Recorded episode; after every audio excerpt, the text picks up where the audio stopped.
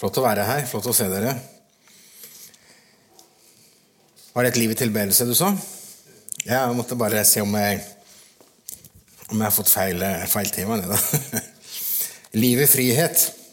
Eh, Lede av Gud til et liv i frihet. Da. I, i dag, så, eller denne uka her, handler det om fri fra fortiden. Og jeg, er jo elementære ting eh, i forhold til det med frihet og det livet som vi har. Det som er, det som er interessant, og det jeg skal være med å dele, og, og jeg har som mål i dette her, er jo det at det, er ting som vi, som vi, vi ofte kan. Vi, vi, kan Guds ord i en del ting og ha knagger og har, har ting på riktig plass. Men så er det det at det vi vet, hvordan får det få det inn i livet så det blir til en virkelighet. Fordi det med frihet er jo et fantastisk ting. Å fri fra fortid og leve et, et, et frigjort liv i Kristus. Det er jo fantastisk å bekjenne, men utrolig vanskelig å leve i. Fordi vi har så mange forskjellige greier. Vi har fortid, vi har nåtid. Vi har eh, våre opplevelser av liv. Og det gjør at istedenfor at man opplever friheten, så, så, binder man hverandre tenker, eller seg selv. Og så, så, har man alle grunner for å ikke juble og prise og, og føle seg fri i Jesu Kristi navn, men heller kjenne seg bundet fordi slik eller sånn, eller burde, jeg skulle, jeg måtte, alt dette her. Eh, hovedteksten som jeg, eh, som jeg, har utgangspunkt i denne uka, her, er fra, er fra 2. Korinterne, kapittel 5, og vers 14. Nå er det slik at jeg, jeg, har, jeg hadde egentlig lagd en powerpoint, men jeg hadde bare hovedpunktene. Og der hadde jeg ikke sagt bibeltekstene. Så, så, jeg måtte velge enten bibeltekst eller hovedpunktene, så da valgte vi teksten. og, eh, det, er en utfordring i dette her, fordi kan jeg, kan jeg, gå ned her? Går det greit at jeg går ett et hakk ned? Ja, flott. Det blir litt nærmere dere. Ja. Eh, for plutselig så ble det veldig omfattende. Jo mer, jo mer man graver i dette, jo, jo, mer omfattende blir det.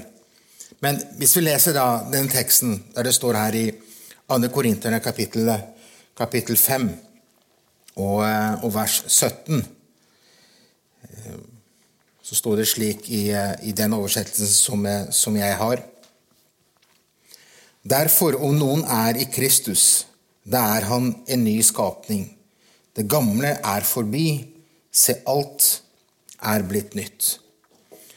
Så der har vi liv i frihet, eller frihet fra fortid, fordi alt er blitt nytt. Det gamle er forbi, men alt er blitt nytt.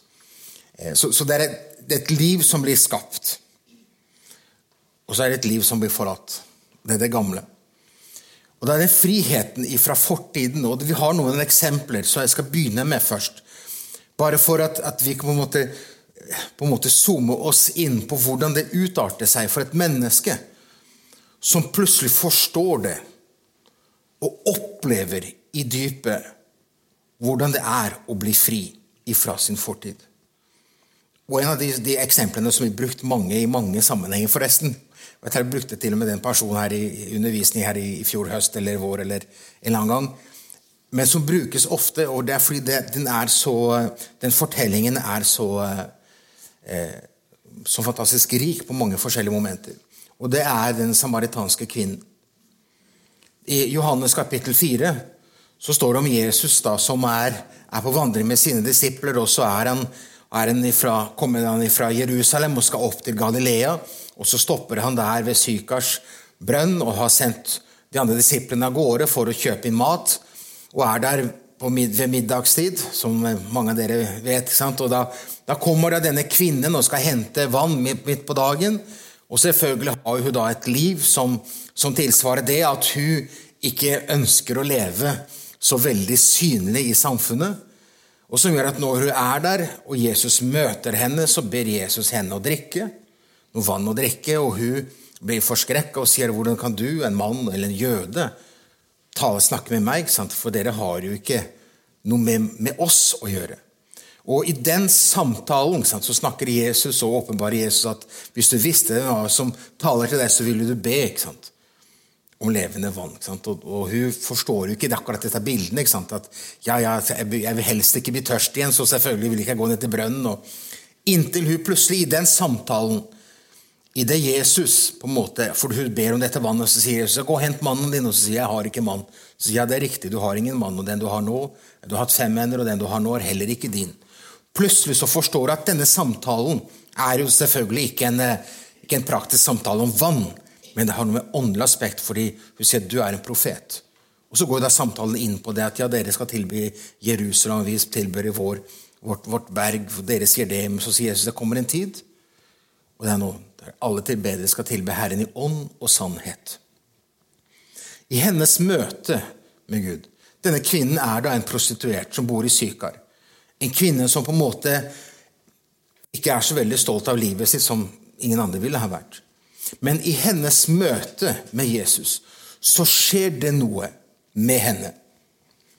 Ifra en kvinne som skjulte seg midt på dagen for å hente vann, så står det i Johannes kapittel 4 eh, om eh, Når disiplene da kommer tilbake og ser at Jesus står der og prater med, med denne kvinnen, så står det her i verset eh, vers 30, 39, da. Johannes 4, 39. Nei, jeg kan ta, ta det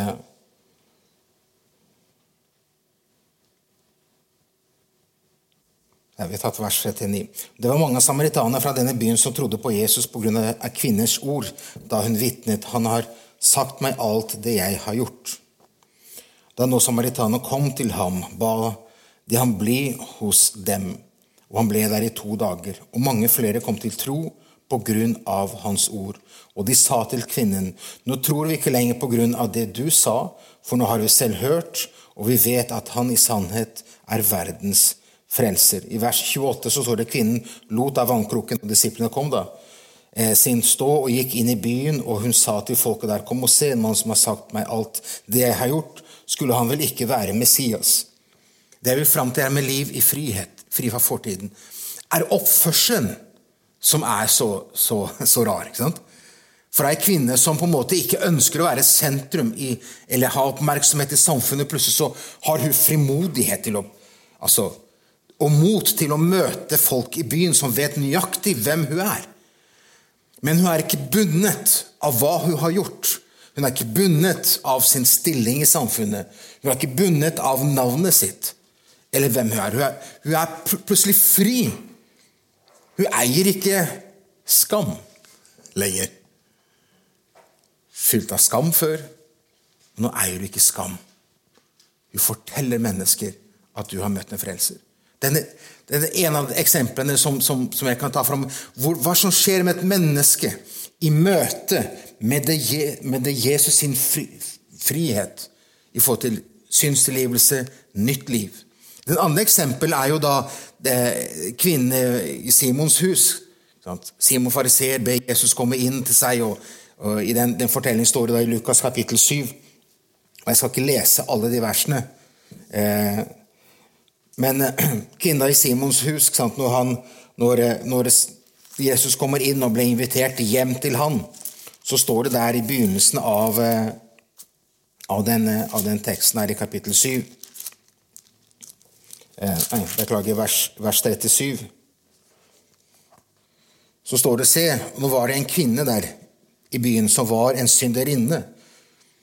Da hun fikk vite at Jesus lå til bords i fariseernes hus, kom hun dit med en alabraskrukke og med salve. Hun stilte seg bak Jesus ved føttene hans og gråt, og hun begynte å vete føttene hans med tårer og tørket dem med håret sitt, og hun kysset føttene hans mange ganger og salvet dem med salve. Her ser du også ei annen kvinne som i oppførsel skulle det vært en kvinne som på en måte ikke skulle vært der. Men hun, hun er villig til å bryte alle normer og alt det som er tabu i sitt samfunn, for å være der hos Jesus. Selvfølgelig har hun møtt Jesus en eller annen tidspunkt her tidligere. Så det Jesus snakker om, om hva hun gjør overfor Simon, så sier at, at hun elsker mye, for mye er tilgitt. Hun har møtt Jesus, og i hennes møte med Jesus så gir hun uttrykk i livet for det. Der hun ønsker å, å vise hvem, hvem han er. Uansett hva Simon er. Uansett om hun kunne risikert på en måte å nesten bli steinet fordi hun som en horkvinne kommer inn der. Og hun da er da uren og kommer bort til noen andre som kan bli urene. Det vil si, da kan ikke de gå til tempelet på mange dager, uker. De kan liksom ikke ofre. Så, så hun risikerte alt. Hvorfor det? Fordi hun hadde blitt møtt av Jesus.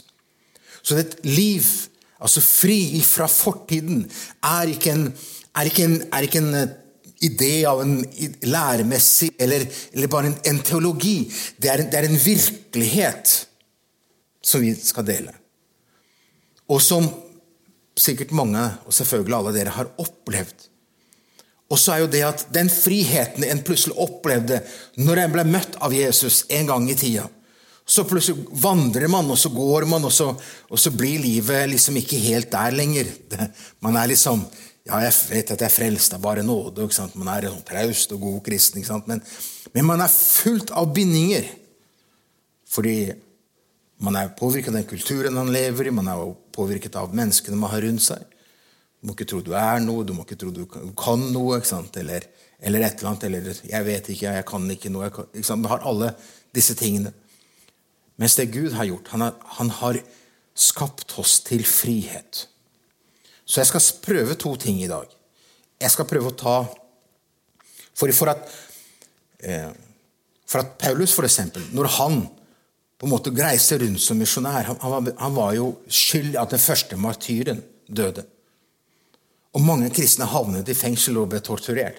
Så, så, Paulus han har jo blod på sine hender. Hva gjør at han tror at han kan komme på en talerstol og reise rundt og forkynne om Jesus?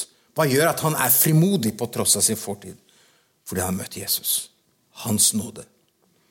Og Da er det to aspekter som bringer inn her. Den ene er at han har opplevd opplevelsen av Guds nåde og forståelsen av hva det betyr. Så jeg skal ta motsatt rekkefølge. Jeg skal veldig prøve på en kort måte, som ikke blir kort, selvfølgelig, det blir en liten tid her, men å ha, ha den forståelse av hva Guds nåde, hva dette innebærer. Å være fri, leve i frihet. Hva Gud har gjort. Og den andre delen er hvordan få det på en måte den, det læremessige. Eh, den, denne sannheten, som er en sannhet. Hvordan få det ut i livet? Og hva er det Paulus sier om det? Så du skjønner at her er det Vi har, har litt vanskelig med å forkorte alt dette her. For da å kunne snakke og samtale om akkurat dette med hva Guds ord sier om hva, hva, vi er i Kristus, hva vi har i Kristus, denne friheten, den, det, det, læremessige, det som står der, det absolutte, så må man gå i noen punkter, og da skal jeg ha fire hovedpunkter. Det første skal jeg snakke om, om mennesket som, som, som synder. Syndserkjennelse. For at mennesket kan oppleve Guds nåde som var synserkjennelse, og for det andre Jeg skal gå tilbake til disse punktene. Eh, veldig klart. Altså, og For det andre så er det det å bli født på nyen. For det tredje det å oppleve rettferdiggjørelsen. Og for det fjerde å forstå at vi har adoptert eller fått barnekår eller, eller barnetilstand. Og der kan du tenke deg, Dem som kjenner litt Guds ord, vet at med en gang jeg vil snakke om å bli født på ny, rettferdiggjørelsen, så tenker man at oi, her er det store, store temaer. Og jeg skal prøve å forkorte det i dette her. Men det, det er viktig og for det, det Paulus, når han, når han skriver til de første kristne, så skriver han om alt dette her for å få dem til å, til å ikke bare ha en, ha en, opplevelse uten å ha en forståelse av hva det som har skjedd med meg. For ånden den gjør at Guds ord blir levende. Men noen ganger så, så har vi bare ord, men det er ikke noe liv i det. ikke sant? Og Derfor ligger det en, en, en ydmykhet i dette her. og noe tungt når jeg skal snakke om dette her. For det, For Gud, han må hjelpe oss. Og vi trenger hjelp akkurat nå av Den hellige ånd. Så ikke vi sier 'ja, jeg vet det, jeg vet det, jeg vet det', men heller si 'Jesus, vis meg det, Herre'. Jesus, vis meg det. ikke sant? Så ikke det blir bare en, en, en teologi eller en læregreie, men at det, det blir en sannhet på nyen i livet som gjør at man kan kjenne at man, det sprudler igjen i hjertet. Og jeg har ikke noen store forhåpninger. Det burde jeg kanskje hatt. større forhåpninger enn jeg har. Men jeg har ikke stor forhåpning at vi skal løpe ut herifra og vi skal liksom ut i Drammen i kveld. For dette må vi fortelle til andre mennesker. Men jeg har i hvert fall min forhåpning liggende. At Gud må få gjort, gjort det levende.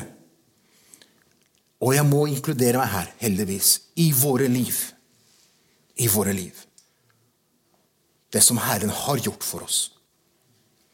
Eh, så det var en lang innledning.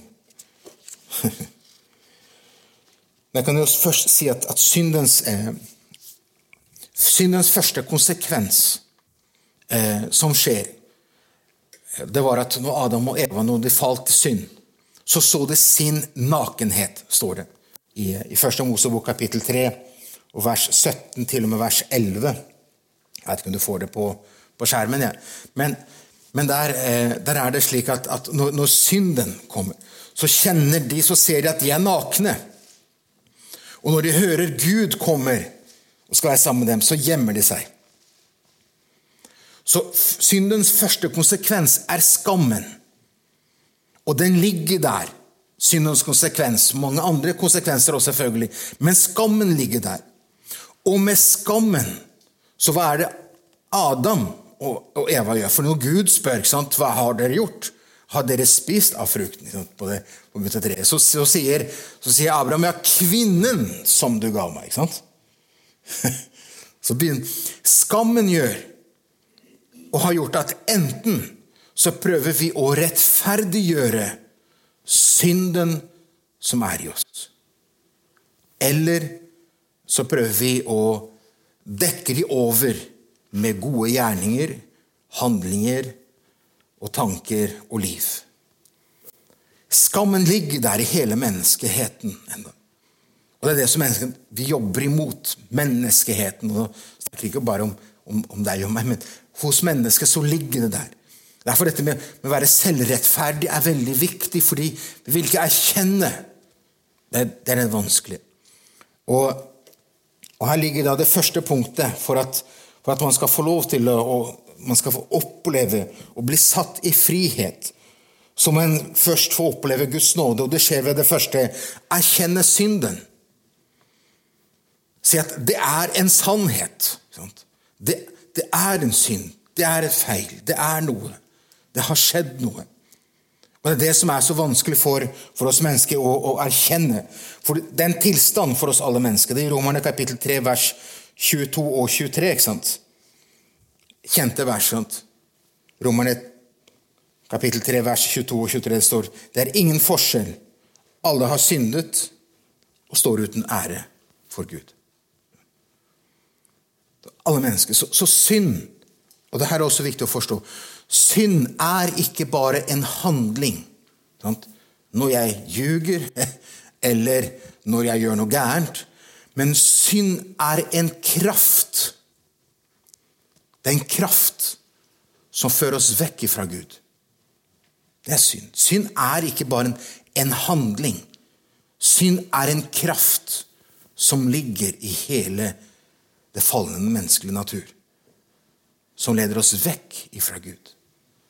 Så alle har syndet, og alle står i synden og står uten ære for Gud. I eh, Ordspråkene, kapittel 28 og vers 13 Klarer du å få opp teksten på veggen? Ja. Kanskje jeg går for fort? Er det det? Nei da. Ordspråkene 28, 13. Ja. Å, det står bak meg. Jeg ser der oppe. vet du. Derfor. Ja, flott.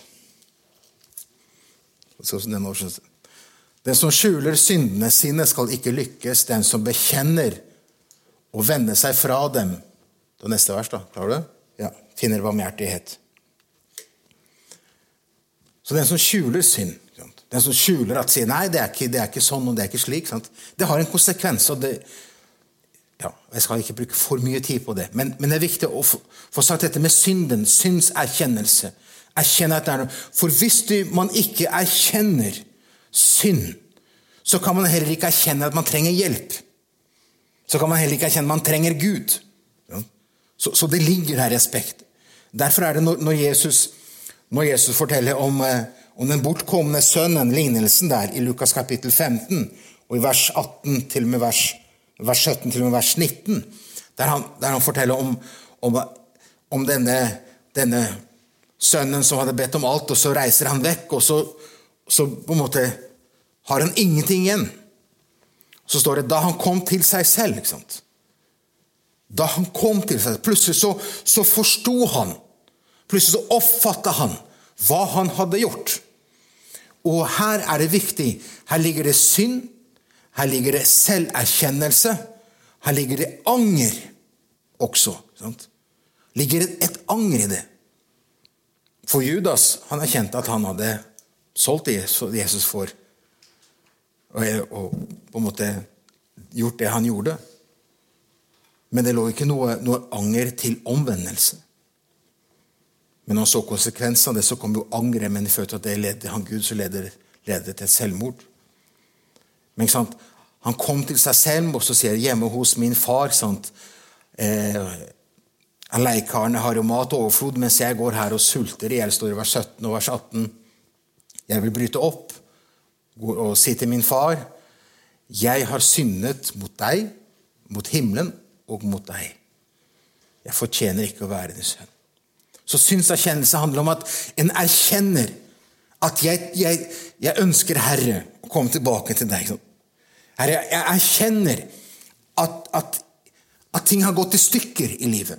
Jeg erkjenner at, har, at jeg, jeg er konkurs i mitt liv. Jeg erkjenner det. Jeg kommer ikke her og er selvopphøyd og sier at ja, men nå er jo du glad for at det endrer jeg med. ikke sant? Men heller be at Herre, om du kan, den ydmyke finne nåde. Og det er som sagt, som jeg sa, det er ting som vi kan. ikke sant? Men det er utrolig interessant å se. Det er noe av det vanskeligste for et menneske å erkjenne at det er en synder. Og når den erkjenner det, så er det ikke nødvendigvis at den vil ydmyke seg og kjenne anger til omvendelse. Den vil si at 'ja, sånn er jeg bare'. Sant? Så det må et guddommelig inngrep, det må noe guddommelig i livet for at det skal skje en, en endring, for at en person skal vende seg til Gud. Du ser En av dem er en av de, de røvene som hang på korset sammen med Jesus i Lukas 23. og Vers 41 så ser du der den selverkjennelsen som, eh, som han, han, kommer, eller han sier. For oss er dommen rettferdig, for han andre han spottet Jesus. Vi får bare igjen det vi har gjort, men han har ikke gjort noe gærent. Eller Jesus har ikke gjort noe galt. Og så ber han Jesus. Herre, husk, husk på oss. Eller husk på meg. Og så opplever han frelsen. I Apostels gjerne i kapittel, kapittel 3 så står det når, når Peter forkynner etter pinsefestens dag, ikke, ikke samme dagen, men etter pinsefestdagen etter, eller to dager etter, så, så er han der sammen med, med Johannes, og han, han forkynner i det, i det de, Gud har brukt dem til å gjort en stor undergjerning. Sant, i det at der sitter en, en, en lamperson ved inngangen til tempelet i Jerusalem. Man skulle tro at var det noen syke igjen etter at Jesus hadde vært der? Da? Kan nesten spørre det. For det er bare 50 dager etter at Jesus døde og sto opp igjen. Så skulle tro det ikke var noen flere syke. Så det er tydeligvis det var andre syke, og flere syke enda, Så Jesus helbreder jo ikke alle i den forstand at det var ingen flere syke i hele Israel. Men her var det en lam som satt der. ikke sant? Og så, hva som skjer? Så ber han om penger, og de gir ikke ham penger, men de gir han håp i Jesu Kristi navn. Jesu Kristi Nazarenes navn. Stå opp og gå. Så tar de hendene på ham, og så reiser han seg opp, og så blir det et, et stort spetakkel i tempelet der de ser at en lam begynner å gå. Og Da begynner Peter å forkynne. Og når han forkynner, så sier han her følgende i vers, i vers 19 her i, i, i kapittel 3 i, i Apostlenes gjerninger. Han ber at hva de bør gjøre med det de hører. ikke sant? Han sier at angre derfor og vend om, så syndene deres blir strøket ut, eller at du blir tilgitt dine synder. Så han snakker om omvendelse. ikke sant? Så synserkjennelse, en omvendelse, det ligger der. For at du skal få lov til å oppleve et liv i frihet, så må man erkjenne Dette her går jo selvfølgelig på dem som skal bli født på ny igjen. Men det går jo også som samme prinsipp som en troende. I det en faller i synd, i det en gjør eller handler. Det å, det å nekte og fornekte, det gjør at en blir, en blir bundet. Relasjonen med Gud er jo der i Kristus. Du kan jo be, men etter hvert så blir du nummen i ditt indre fordi du klarer ikke å be, du klarer ikke å leve ut i kristelig liv. Du er ikke i frihet lenger fordi det, det ligger et synd over ditt liv. Altså det å snakke sant om livet. Så Det er det samme prinsippet. Det å, det å bekjenne sine synder. Så vet vi at han er rettferdig, og at han har det tilgis vår synd. Så det Peter han, han taler om her, er at dem, dem som skal bli frelst, så må, så må de ha en, en, erkjennelse, en omvendelse. Så for å leve et liv i frihet, fri fra fortiden, så må erkjennes en synd. Og det er ikke dermed sagt at sånn som fins menigheter der man skal komme fram og bekjenne sin synd. Jeg har gjort det og det i forrige uke eller tidligere. Det er, ikke, det, er ikke, der det handler. Det handler om å bekjenne selvfølgelig overfor Gud. Noen ganger har man behov for å bekjenne det for noen. Men det, det, det kjenner man, man blir fri har med å bekjenne. Og da skjer det noe. Det er det, det, andre som skjer her. Og det er det aspektet som er, er viktig, fordi ved bekjennelsen så kommer det da det å bli gjenfødt, det å bli født på ny igjen.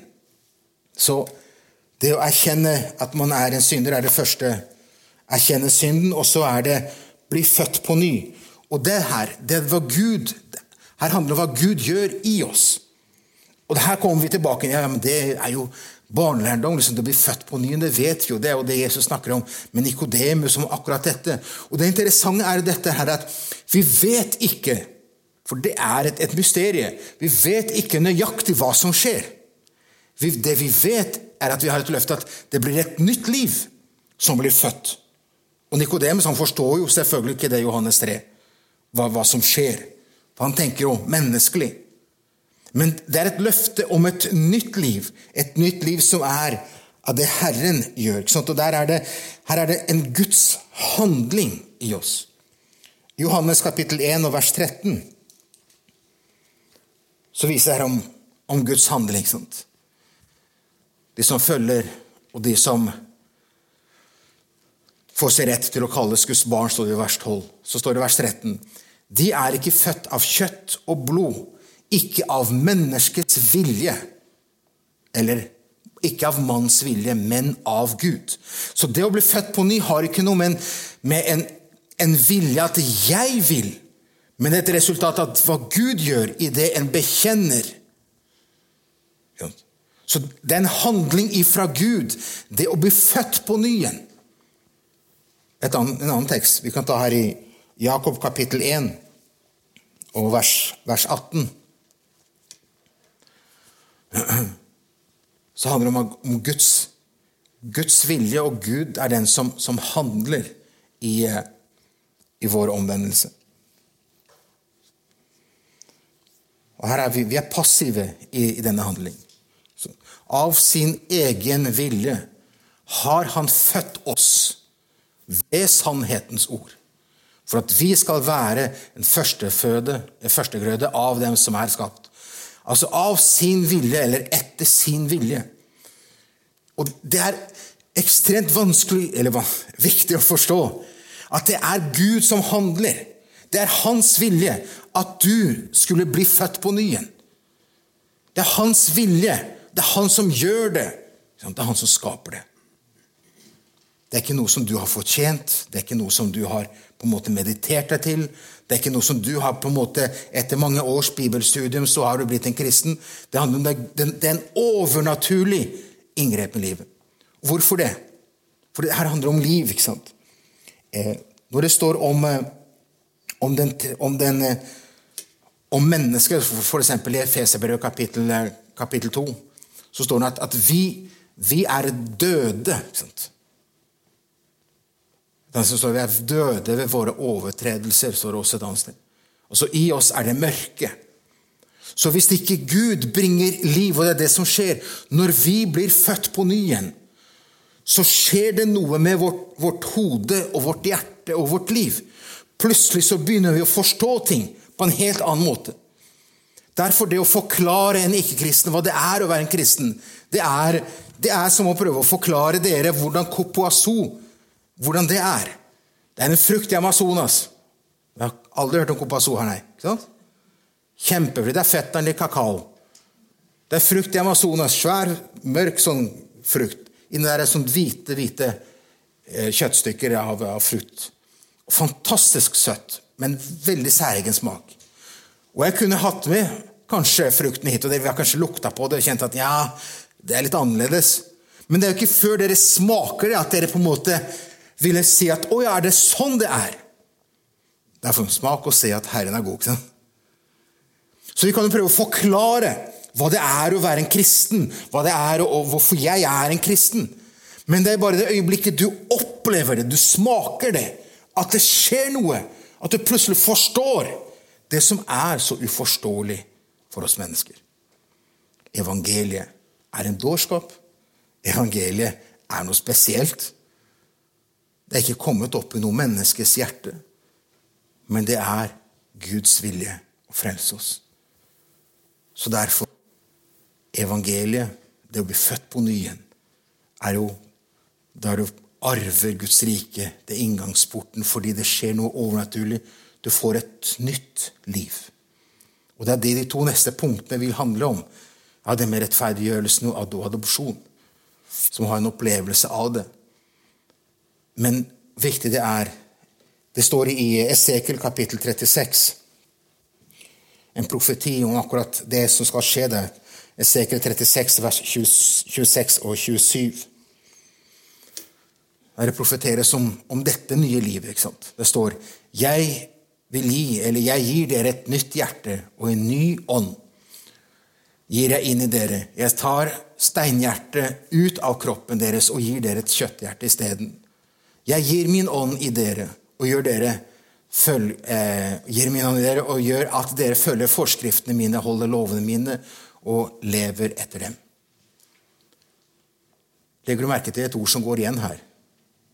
Gjør, jeg gjør, jeg gjør. Herren handler. Herren som handler. Det er Han som gjør. Så plutselig det å bli frelst gjør at, at, at det blir jo annerledes. Og det er klart at jo, jo mer radikalt liv du har hatt utenom, jo, jo større noen ganger kontrasten. Og så er jo det at Jeg er jo vokst opp i et kristent hjem og som misjonærbarn, og jeg har liksom ikke vært helt på ut på livet. og sånne ting, Så jeg tenkte at ja, kanskje jeg må på en måte gjøre et eller annet for å på en måte forstå hva Guds nåde er. Og det er sikkert ikke bare jeg som har hatt den tanken der i min, i mine ungdommer og tenåring. Kanskje mange av dere har hatt det, som har vokst opp i et kristent hjem. tenkte at Jeg forstår ikke dette. Jeg skulle kanskje vært lenger kanskje ute for å forstå det. Men, men, men jeg opplevde min, min tid som, som, som som misjonærbarn og som pastorbarn. Mine foreldre i Brasil og jeg i Norge gikk på skole og gikk ikke lenger på møte. regna meg som kristen. ikke sant?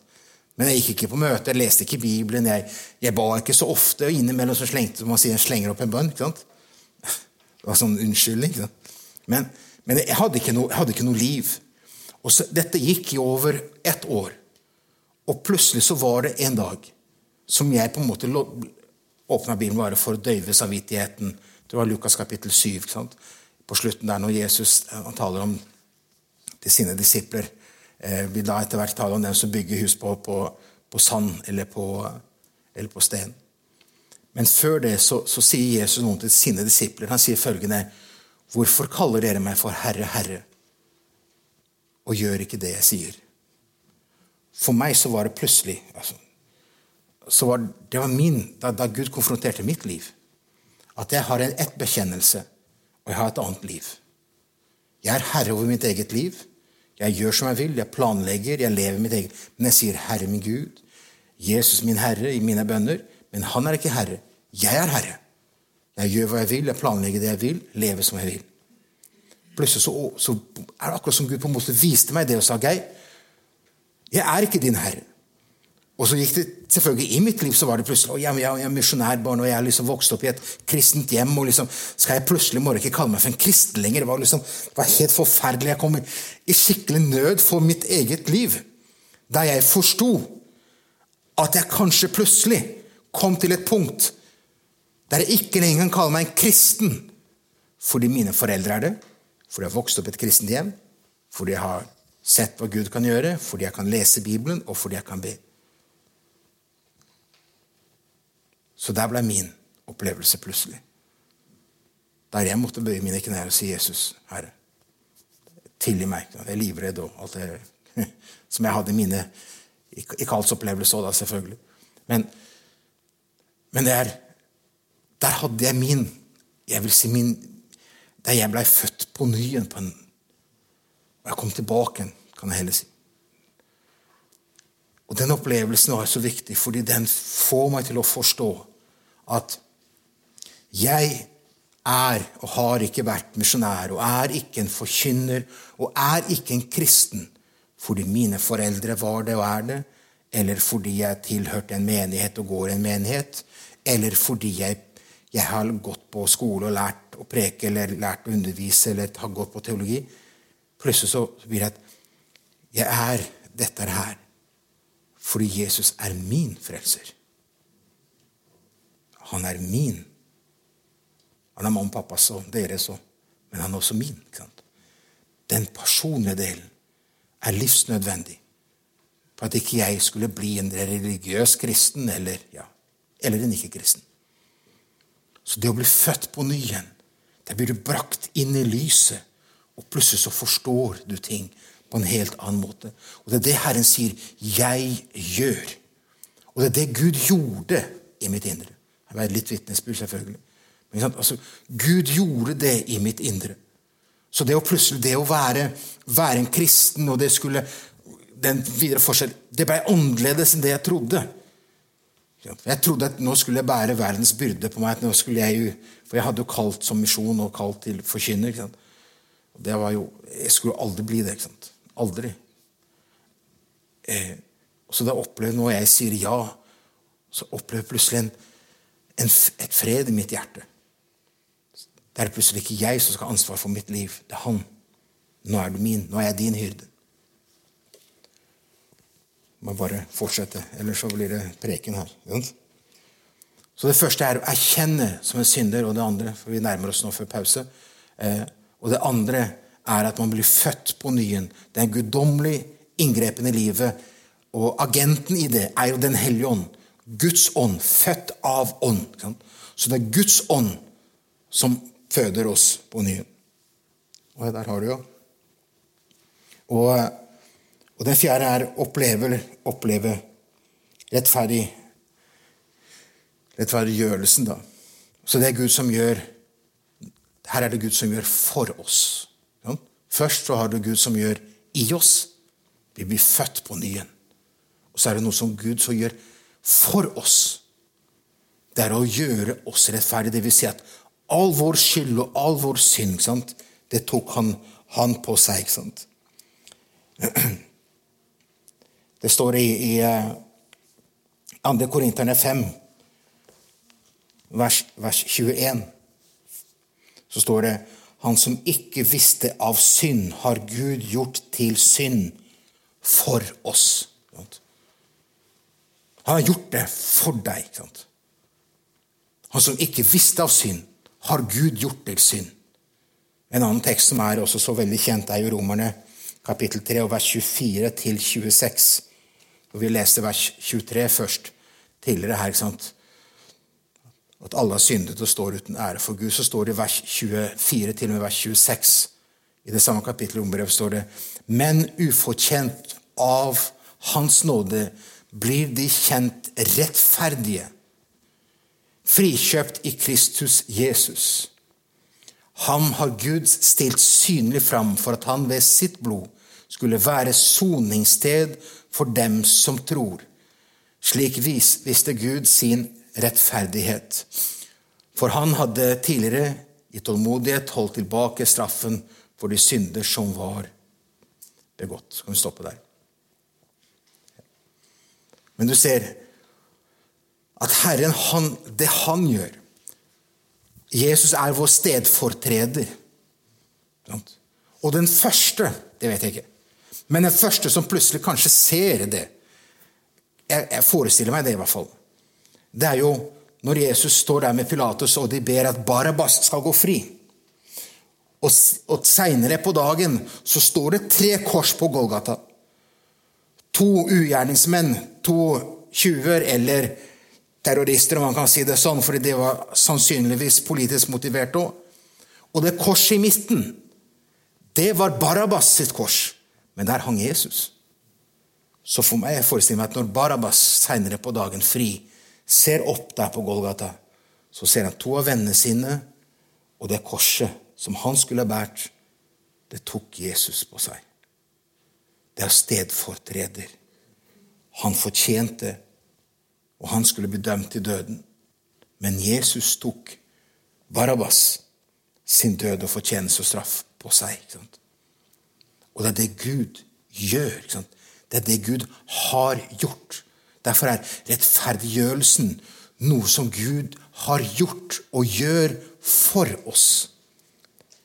Eh, da kommer noen kjente vers her i Romerne 5.1, og så Romerne 8.1. I Romerne 5.1 sånn altså det, Da vi altså blitt rettferdige ved tro, har vi fred med Gud ved vår Herre Jesus Kristus. Vi er rettferdiggjort ved troen. Vi er ikke rettferdiggjort pga. at vi har gjort noen flotte, fine greier, men fordi, bare fordi vi tror, så er det Jesus har gjort på korset, nok til å rettferdiggjøres. Vers 8, kapittel 8, vers 1, det er også kjent vers. Sant? Så er det ingen fordømmelse for dem som er i Kristus Jesus. Et frigjort liv, altså et liv fri fra fortid, handler det å forstå at det er ingen fordømmelse. Og, og det å forstå at dette er ikke bare en, en, noe som foregår i en fortid. Det er en nåtid. Det er ingen fordømmelse når du er i Kristus Jesus. Ja, du falt til synd. Du har gjort noe. I løpet av den uka har du kanskje tenkt eller sett eller gjort eller det kan være en eller annen handling eller ubevisst handling. Det kan ligge noe der. ikke sant? Men i Kristus så er det dekt. Så når Herren ser på deg og på meg, ikke sant? så er vi fri fra fordømmelse. Vi behøver ikke å gå rundt og i akk og ve og Ja, Herre, vær med synder, nåde. ikke sant? Og man, man, på en måte kommer aldri videre ifra det. Selvfølgelig bør man erkjenne synd, bekjenne synd, men det å oppleve at vi er fri Vi får lov til å komme innenfor Gud sant? i tilbedelse og lovsang hver eneste dag, hver eneste stund. Sant? Og selvfølgelig rettferdiggjørelsen kan bare skje på grunn av hva Jesus gjorde, altså sitt offer. I Kolosserbrevet kapittel 2, vers 13 og, og 14 her sammenfatter også den, eh, den nye fødsel og, og, og forsoningen. Dere var døde. Det var, det var, menneskets tilstand. Det er viktig å forstå. Døde så menes, menes ikke at du er fysisk bare død, men det er åndelig død. Døde mennesker tenker ikke, de går ikke, de forstår ikke. Døde mennesker Det er dødt, så det Paulus sier. Dere var døde. Ikke sant? Ved deres overtredelser. Får du fram teksten igjen? Der, ja. På grunn av misgjerningene deres og uomskåret kjøtt og blod. Men han gjorde dere levende sammen med Kristus. Da han tilga oss alle våre synder, misgjerninger, overtredelser. Gjorde oss levende. Er, det er noe nytt. Gjeldsbrevet mot oss slettet han, og det som var skrevet med lovbud, han, det tok han bort fra oss da han naglet det til korset. Gjeldsbrevet. Alt det du skylder. Og for dem som er, har vært, eller kanskje har vært gjeldsslave, eller alle har vel gjeld på en eller annen måte, det å få plutselig et brev fra banken og si at gjelden er betalt. Da skylder du ikke noe mer på huset eller på bilen. eller der. Det er en eh, ganske grei følelse, er ikke det? Ja. Det står ikke 'skylder' noen ting. Tenk på det å skylde overfor Gud. Skylden som vi har. Gjeldsbrevet. Det er betalt. Og Det er det Paulus springer inn her. Det er forsoningen det Herren har gjort. Og den ønsker at, at vi skal få lov til å leve inn i det. Ok, Nå er det pause. Ja, brått. Ja. Da tar jeg pause, og så eh, blir den siste delen eh, som jeg skal ta, det, det blir jeg skal bare fortelle en liten historie om det med rettferdiggjørelsen her, men så skal jeg snakke om det med adopsjon. Sant? Vi er adoptert. Og så skal jeg gå inn i den andre delen, som handler om hvordan få alt dette her som vi snakker om. Hva sier Guds ord om hvordan få dette ut i livet? Altså hvordan få dette levende i våre liv. Ok? Da er det pause. Vær så god.